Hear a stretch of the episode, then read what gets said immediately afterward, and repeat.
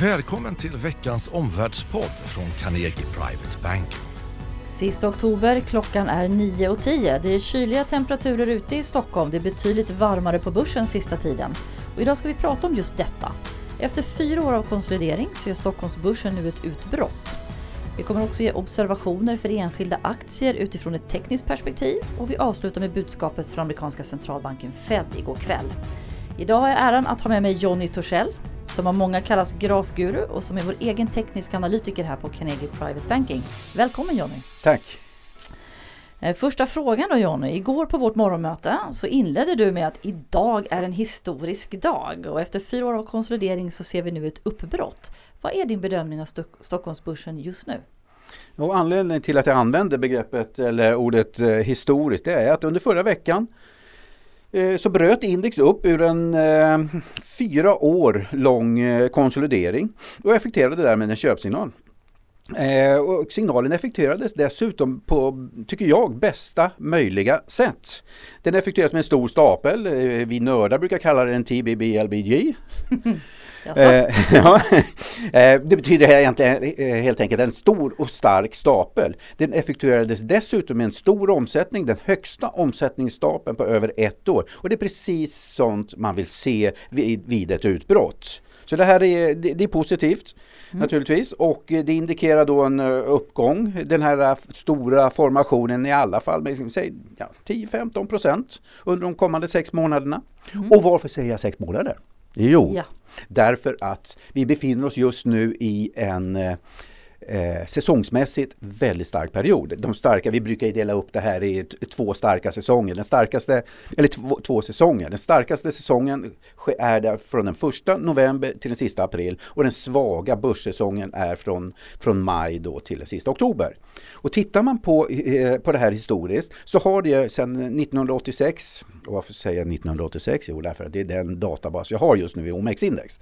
Eh, då har index, om man har köpt den första november och behållit den 120 börsdagar eller något sånt där, då har index i 78% av fallen gått upp. Den genomsnittliga uppgången är ungefär 10 mm. Så det är en oerhört stark mm. eh, anomali det här. Så då vi har alltså helt enkelt en köpsignal på börsen under den starka sex månadersperioden.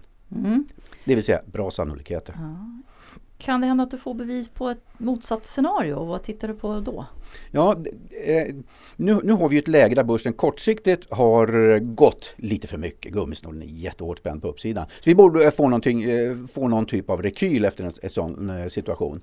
Så att vad jag inte eller vad jag vill se just nu det är en, en rekyl, en rekyl som inte är särskilt snabb. En, gärna en överlappande rekyl neråt under en ganska sjunkande omsättning. Jag vill inte se en panikartad nedgång mm. eller stark nedgång på nedsidan under 1700 nivån igen. Då annulleras den här köpsignalen. Då, Tydligt besked. Det får inte yes. gå för fort mot 1700. Nej. Men Johnny, rapportsäsongen börjar gå mot sitt slut också. Och då undrar man lite, vad är dina reflektioner från ett tätt tekniskt perspektiv. Och I den här podden så ger vi inga enskilda rekommendationer men du kanske har några observationer kring enskilda aktier? Ja, vi har, vi har ju fatt, för det första har vi fått ganska starka reaktioner och starka, starkt positiva reaktioner under den här rapportperioden. Ett par aktier som jag ty tycker ser spännande ut är bland annat Stora.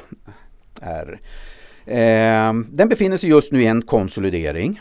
Eh, det vill säga den har gått sidlänges under en längre period. Den har ett tungt motståndsområde vid 130 nivån. Eh, passeras det området, då siktar jag på en uppgång på kanske 15-20% under de kommande sex månaderna. Eh, och det är så att min omsättningsanalys den indikerar att så borde ske. Självklart om börsen skulle falla ihop då kommer vi naturligtvis inte få den signalen naturligtvis. Men eh, får vi ändå en hyfsad börs eh, då indikerar den tekniska analysen då utifrån den här omsättningsanalysen och mm. den konsolidering jag har ja. att så borde ske på uppsidan. Spännande. Jag vet att du ibland pratar om både någon aktie inom verkstad och kanske hälsovård också? Ja, eh, jag tittar på Volvo eh, bland annat. Eh, den är kortsiktigt överköpt. Den har gått upp ganska mycket på kort sikt, precis som börsen har gjort.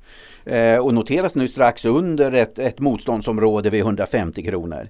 Men passeras det här motståndsområdet så tror jag också att vi kan ha en bra uppsida på kanske 15 procent eller något sånt där. Så där har vi, vad vi just nu har i Volvo det är också, det har befunnit oss i en svag sidlänges eller en nedåtgående trend och nu är den uppe och nosar på den. Och omsätt, min omsättningsanalys indikerar att elefanterna, det vill säga de större institutionerna, ackumulerar Volvo-aktier. Det vill säga det borde få ett utbrott på uppsidan. Det är i alla fall vad min analys indikerar. Mm. Det, det tycker jag känns spännande. Ja. Eh, nästa eh, aktie jag tittar på det är eh, Elekta. Där siktar jag på en eh, ny eh, all time high, eller en ny rekordnotering, den, kanske 10% upp. Och orsaken till att jag gör det, det är att aktien har haft en ganska bra rörelse på uppsidan. Sen har den, nu, sen har den rekylerat i tre vågor. Tre vågsekvenser på nedsidan brukar vara just en konsolidering eller en sidlänges rörelse inför en fortsatt uppgång.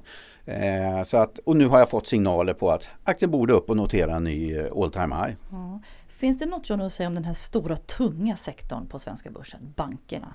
Ja, eh, det, är det, det är den sektorn som har laggat eh, ordentligt och hållit ner Stockholmsbörsen under en längre tid. Eh, men det är ett par aktier där som jag tycker ser riktigt spännande ut och det är Nordea och SE-banken. De befinner sig i spännande konsolideringar som om vi får de signalerna, nu vet jag inte om vi kommer att få det, men får vi de signalerna då ja, då kan det bli ganska bra rörelse upp i, i, i, den sektorn. Och får vi en bra rörelse upp i den sektorn, det kommer påverka OMX-index för banken är ju som du sa, det är en, det är en tung mm. Spännande, det är många tekniska observationer här, både på sektor och på enskilda aktier. Men om jag, om jag vågar mig på en slutsats för dig Jonny, så kan man säga att på kort sikt så tycker du att börsen är kraftigt, den är överköpt. Borde börja, men borde ändå påbörja en kortsiktig rekyl. Men i det längre perspektivet så har du en tydlig effektuerad långsiktig köpsignal som indikerar en uppgång mot 2000-området, nästan 10-15 procent. Väldigt bra sammanfattning skulle jag säga. Bra. Då tänkte jag vi skulle blicka lite utanför Sverige Jonny. Hur ser det ut på börserna där? Är den tekniska bilden och signalerna du ser lika positiva som för Sverige? Ja, eh, de flesta stora börserna som jag följer, de noteras just nu i en upptrend.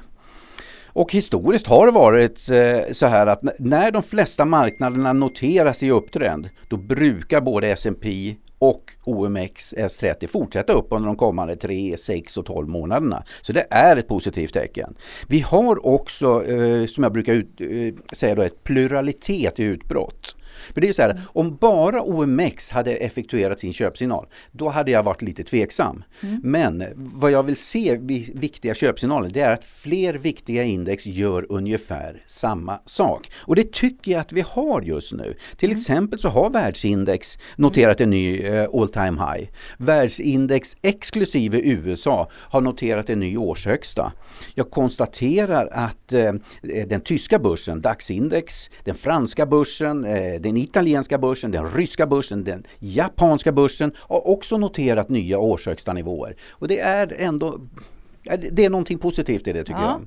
Så tydligen en bredd. Men jag är lite nyfiken på USA då, som ju många uppfattar som den viktigaste börsen globalt. Och där pågår ju faktiskt rapportsäsongen fortfarande. Vad ser du för tekniska signaler där? Eh, Tittar vi på S&P som är, det är väl det breda indexet, S&P 500. Eh, den noterar stegvis högre toppar och nya rekordnivåer brukar följas av fortsatta uppgångar under de kommande 3, 6 och 12 månaderna. Alltså, alltså nya rekordnivåer eller nya all time high nivåer det är vanligtvis positivt på börsen. Men det är ju alltid så här, det finns, en, det finns alltid en orm i varje paradis. Eh, och det som är oroande just nu när det gäller USA det är bredden i uppgången och hastigheten i uppgången. Okay.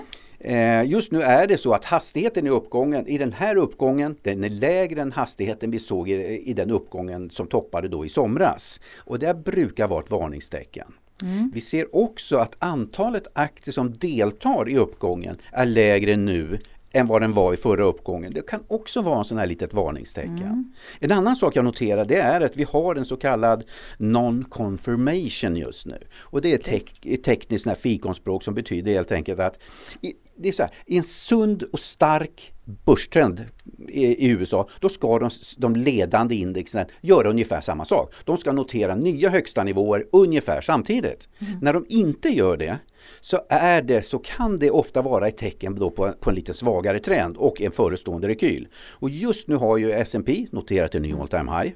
Men det har inte Dow Jones och det har inte Nasdaq. Så det betyder alltså att vi har en non-confirmation och det kan vara en liten varningstecken. Okay. Men det man ska hålla ögonen på där, för det är ju ganska nära. Skulle Dow Jones under veckan, nästa vecka gå upp och notera den här ny all time high, ja, men då helt plötsligt så försvinner här non, eh, den negativa non-confirmation. Och det är en sån där sak som jag håller ögonen på nu kortsiktigt. Ja det förstår jag. Men du, så du har pluralitet men saknar lite bredd och fart i USA? Just i USA, och precis. Och väntar på någon form av confirmation. Ja. Eh, men jag vet också John att du ofta gör teknisk analys på en del metaller och du har haft väldigt rätt här under året kring både silver och guld. Men nu är vi lite nyfikna för du har börjat nämna koppar. Vad ser ja. du för signaler där? Just det, det här är ju jättespännande. Speciellt mot bakgrund av de lite svagare ekonomiska signalerna vi ser i världen. Man brukar prata om doktor Koppar som en bra indikator då för ekonomin. Eh, och om nu mina signaler är riktiga, jag har börjat fått alltså signaler på att kopparpriset har bottnat och borde upp. I alla fall kanske en eh, 10 15 % under de kommande 3 till 6 månaderna. Och är det riktigt, jag menar då kanske det kan, det kan sända lite signaler då på vart ekonomin ska ta vägen. Jätte... Så att, eh, den tycker jag ser jätte, väldigt spännande ut. Tack Jonny för många intressanta observationer både kring börser, aktier men också metaller. Mm, tack för att jag fick komma. Mm. Och nu tänkte jag ge en kort kommentar på Feds räntebeslut och presskonferens från igår kväll. Eh, som väntat så fick vi en tredje räntesänkning, den tredje på ganska kort tid. En i juli, en i september och en nu i oktober. Och det har varit lite försäkring då för att bibehålla en bra fart i amerikansk ekonomi i en omvärld som är ganska svag och osäker. Eh, det andra tydliga budskapet från Fed är att nu tar de en paus. Men de lyckas göra det här utan att vara så hökaktiga utan skälen för det var ganska lugnande för börsen. Eh, och jag lyssnade faktiskt på hela presskonferensen och frågestunden och de pratade inte alls särskilt mycket om att utvärdera effekterna av de här sänkningarna utan de helt enkelt beskrev att hushållen mår väldigt bra, jobbmarknaden är stark, lyfte också fram, tycker jag, en ganska optimism kring handel och brexitriskerna som har minskat. Och det andra skälet är ju då att investeringarna må vara svaga, som vi såg i BNP-siffrorna i USA igår, men som Fed säger, det är lägre räntor kommer inte hjälpa. Det krävs minskad osäkerhet och, och goda vinster.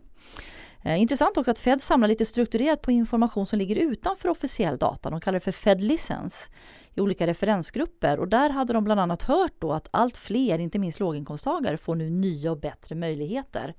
Och då tyckte de att de här tre sänkningarna räckte. Eh, de är dock långt ifrån att börja höja. De är bekymrade över inflationen, vill inte hamna i en Japan-lik situation. Sen ska man komma ihåg att igår fick börsen också stöd av bolagsrapporter från både Apple, Facebook och Samsung. Han beskriver också, Powell, då, chefen för Fed, att penningpolitiken är stimulerande. Realräntan är ju nämligen under noll. Eh, och den stora frågan är vad tittar de på framåt? Och där gjorde jag en intressant observation. Jag tycker att hans svar var ovanligt stela. Han hade inte den här spontaniteten utan han upprepade standardfraser. Och kanske är de oeniga om vad de ska titta på framåt. Kanske vill han undvika skäll från Trump. Eller så är det så enkelt att han tidigare upprepade gånger faktiskt har misstorkats ibland och fått en icke önskvärd marknadsreaktion. Eh, men det är uppenbart att det krävs markant försämring av ekonomin, framförallt hushållen då för att de ska sänka igen. De kommer titta mycket på inflationsförväntningar, mycket på arbetsmarknaden. Han lyfter fram a-kasseansökningar bland annat. Så den korta slutsatsen på Fed blir väl då att nu sänkningarna över, det är en paus. Men det här är ett okej besked för börsen. Det var positiva ord om ekonomin och de tycker att politiska risker har minskat globalt. De tre slutsatserna från dagens podd då är nummer ett. Teknisk analys indikerar att svenska börsen ska fortsätta upp men kanske ta en liten paus i närtid. Två. Ännu ingen teknisk köpsignal för USA men koppan pekar upp. Och för det tredje, Fed är färdig med räntesänkningar då hushållen är starka och jobbmarknaden är stark. Detta är okej okay för börsen. Carnegie har naturligtvis alltid spännande aktietips för våra kunder. Men för dig som ännu inte är kund så vill jag passa på att rekommendera något som heter veckans aktiecase. Där vi väljer ut en intressant aktie och summerar Carnegies fundamentala analys i en ny artikel varje torsdag. Och idag ett intressant byggkomponentbolag. Det här kan du prenumerera på via vårt nyhetsbrev på carnegie.se. Men vi hörs igen nästa vecka. Tack för att du har lyssnat på Omvärldspodden från Carnegie Private Banking. Vill du veta mer om vad som händer i vår omvärld och få aktuella idéer till affärer? Gå då in på www.carnegie.se veckans viktigaste och prenumerera på vårt nyhetsbrev.